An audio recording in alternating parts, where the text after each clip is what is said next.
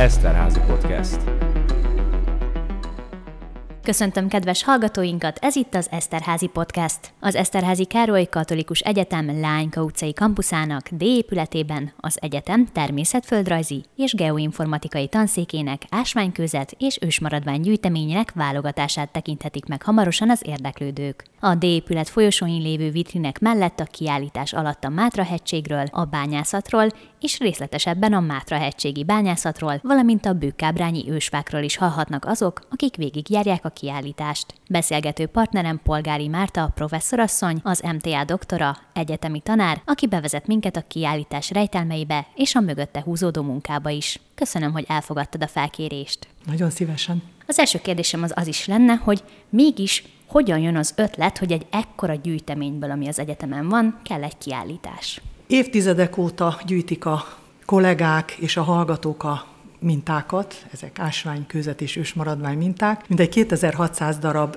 minta van most jelenleg a gyűjteményben. Olyan volt az épületnek az adottsága, hogy ilyen üveges, falba mélyeztett vitrin-szerű polcrendszerek álltak rendelkezésre, és már az elődöm, illetve a korábbi oktatók rendeztek be kiállítást ezekbe a fülkékbe tulajdonképpen. Mint egy kilenc évvel ezelőtt elkezdődött a gyűjteménynek a rendszerezése, akkor jött az a gondolat, hogy átszervezzük ezt a kiállítást, és modern, tudományos alapokra helyezzük, és a legszebb mintákat bemutassuk. Kilenc éve? Ez azt jelenti, hogy kilenc évig tartott a munka? Ez azt jelenti, hogy a gyűjteménynek a rendszerezése, digitalizálása, fotózása, rendszerbefoglalása az bizony kilenc éve kezdődött. Nagyjából hogy képzeljük el ezt a gyűjteményt? Most a képzeletemben megjelent egy csomó doboz tele kőzetekkel, ásványokkal. Hogy képzeljük el? Ennek a gyűjteménynek az a különlegessége, hogy nagyon nagy számú minta az, amit kézbe vehetnek az érdeklődők. Általában, ha az ember elmegy egy kiállításra, vagy egy gyűjteményt megtekint, ott üveg mögött vannak a minták.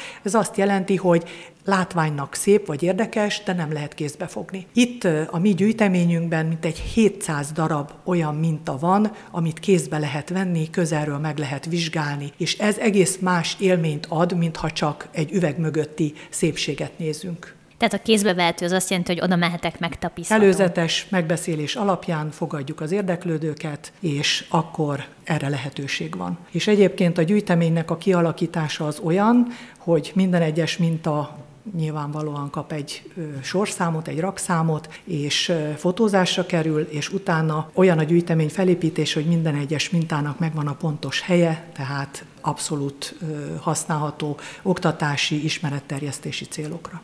És még az is különlegesség egyébként a, a vitrinkiállításnak, hogy a mintáknak a mérete nagy.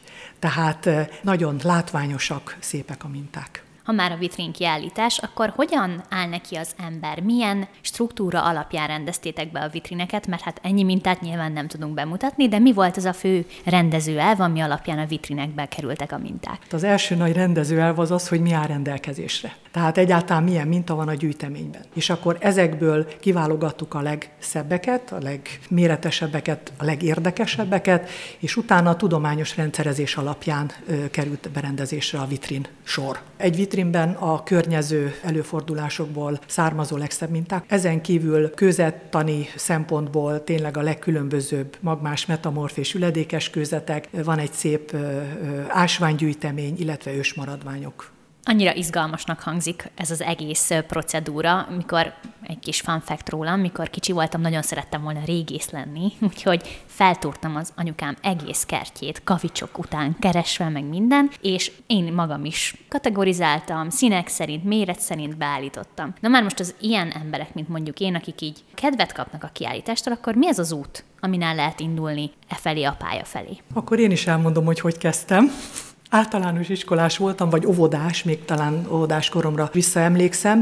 Sokat kirándultunk a Dunakanyarba, és imádtam kavicsokat gyűjteni. Mind a mai napig megvannak azok a kavicsok, amiket akkor szedtem. Valamiért a színük, a formájuk megtetszett, és akkor ezeket összegyűjtöttem. Tehát nyilván van egy gyűjtési szenvedély, ez egyébként nagyon sokakban megvan. Azért itt szeretném arra felhívni a figyelmet, hogy, hogy azért a gyűjtéssel is óvatosan kell bánni. Azért, mert a környezetnek a lehetőségei véges végesek, tehát a természeti kincsek is végesek, és inkább azért gyűjteményekben gyönyörködjünk, de ennek ellenére vannak olyan helyek, ahol szabadon lehet gyűjteni, illetve lehet vásárolni különböző mintákat, kinek mi az érdeklődése, van, aki az ásványokban gyönyörködik. Az ásványok nagyon közkedveltek egyébként, mert nagyon szépek, de vannak nagyon érdekes kőzetek és ősmaradványok is, amik. Ó, ide egy zárójeles megjegyzés. Szerintem az ásványok azért is annyira népszerűek, mert az emberek mindenféle tulajdonságot adnak az ásványok mellé. Ez mennyire igaz? Nagyon nagy divatja van most az ásványok viselésének, tehát különböző tulajdonságokat tulajdonítanak neki,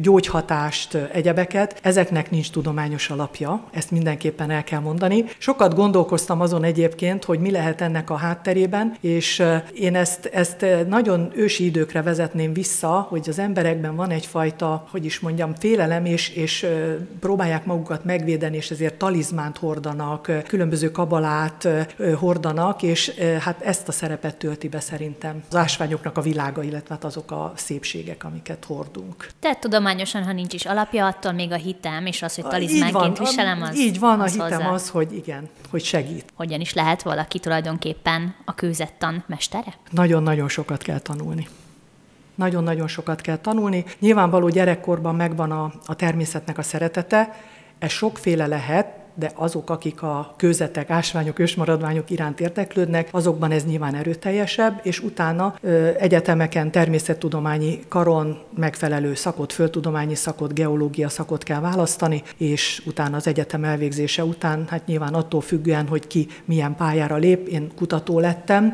tehát onnantól pedig gyakorlatilag folyamatos tanulás, tanulás és tanulás. De nyilván hajtja az embert az érdeklődés, tehát ez egy hobbi tulajdonképpen.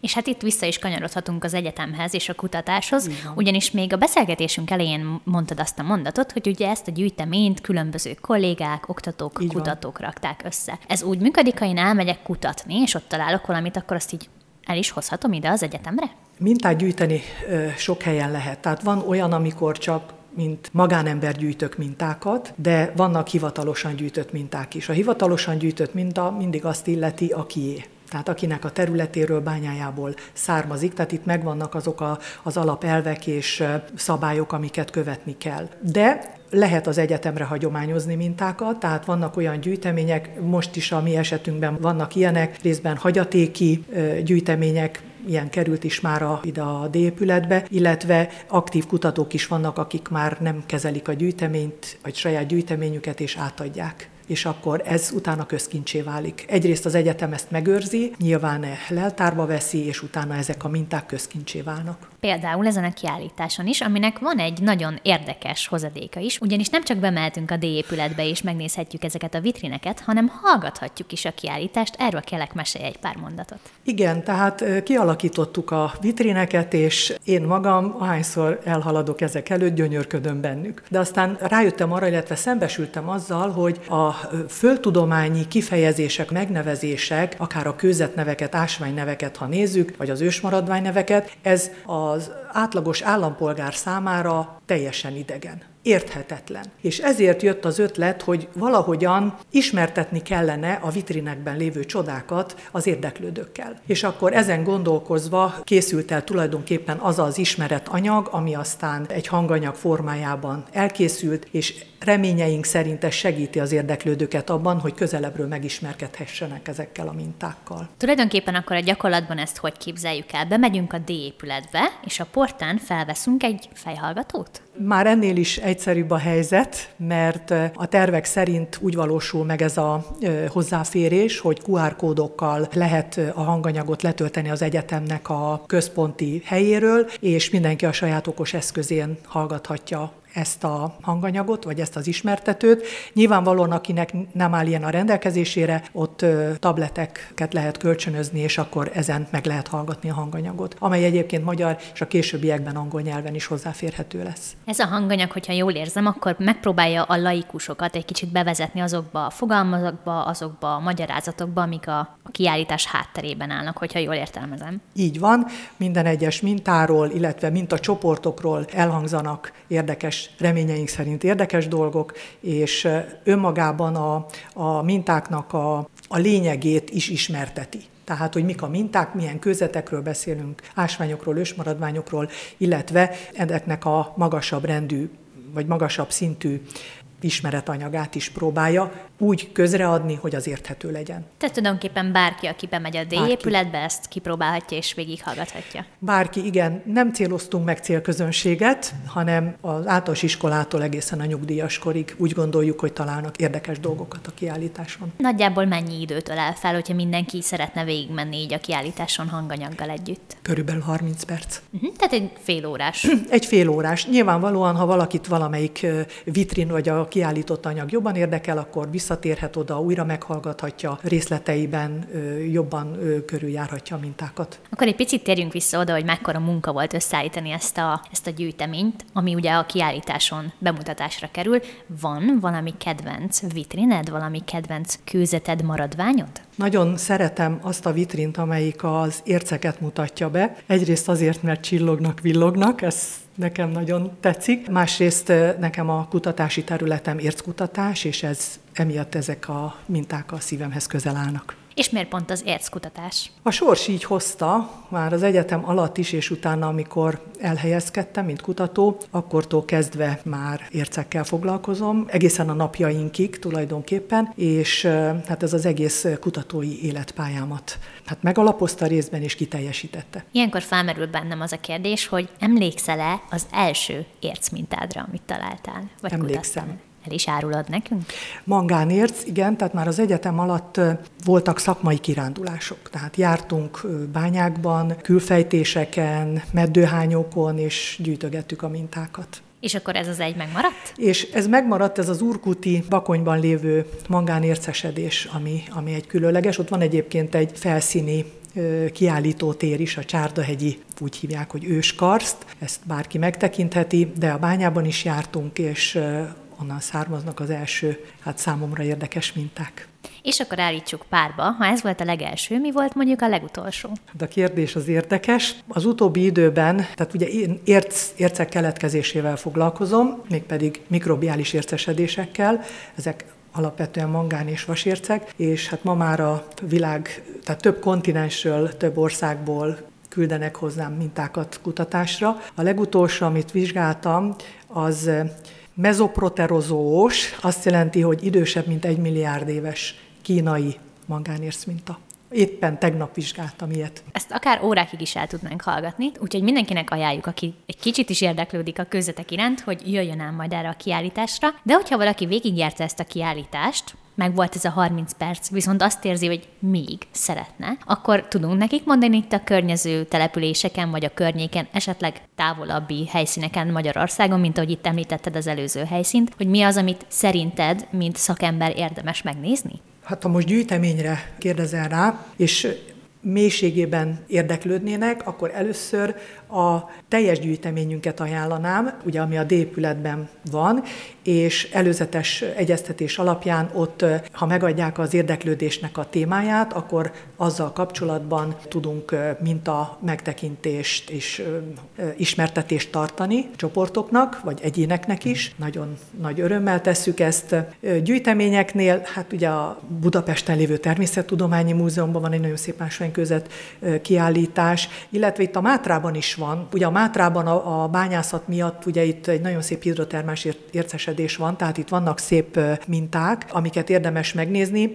Ami gyűjtést illeti, Magyarországon nem sok helyen van olyan lelőhely, ahol olyan szép ásványokat lehet gyűjteni, mint amik a kiállításunkon vannak, és a kőzetek azok meg hát általában a közember számára nem érdekesek. Ősmaradványt inkább lehet gyűjteni több helyen Magyarországon, hát ehhez meg kell nézni olyan szakkönyveket, amelyek részletesen útba igazítják az érdeklődőt. Itt a beszélgetésünk előtt még kitértél arra is, hogy mekkora munka volt ugye megcsinálni ezt a kiállítást, és hogy hát a hallgatóink, hiszen mégiscsak egy egyetemen vagyunk, szorosan bekapcsolódnak ebbe. Erre mondanál egy-két példát, hogy hogyan kapcsolódnak be a munkátokba? Ez így van. Hallgatók nélkül nem sikerült volna ezt a munkát elvégezni, most már napra készek vagyunk a gyűjteménnyel. Tehát feldolgoztuk a jelen lévő össze összes mintát, és hogyha újabb minták érkeznek, akkor most ugye azokkal gyarapodni fog a gyűjtemény. Az elmúlt években az aktív hallgatók közül szombatot, vasárnapot, szabadidőt nem kimélve nagyon sokan segítettek, és kollégák is egyébként, tehát kollégák és hallgatók egyaránt abban, hogy ez a gyűjtemény a mai formájában megtekinthető legyen. Ez egy rabszolgamunka egyébként, nem, nem tudok jobbat mondani. Minden mintát kézbe venni, le, tisztogatni, leltárba venni, és utána lefotózni, ez egy óriási munka. Több mint tízezer fotó van, tessék elképzelni, hogy arról a 2600 mintáról, ami, ami most a gyűjteményben van. Tulajdonképpen az egész beszélgetésünkben azt érzem, hogy szenvedély kell ehhez a munkához. Ez így igaz, ehhez egy küldetéstudat és egy szenvedély kell, nélkül nem megy, de hát mindenhez ez kell. Én nagyon szépen köszönöm, hogy bejöttél és tudtunk erről beszélgetni, és hát akkor mindenkinek javaslom, akinek meghoztuk a kedvét, hogy nézzen utána, hogy itt Egerben, Eger környékén és az egyetemen milyen kőzeteket, ősmaradványokat, ásványokat nézhet meg, és hát köszönöm szépen még egyszer. Én is köszönöm szépen. Eszterházi Podcast.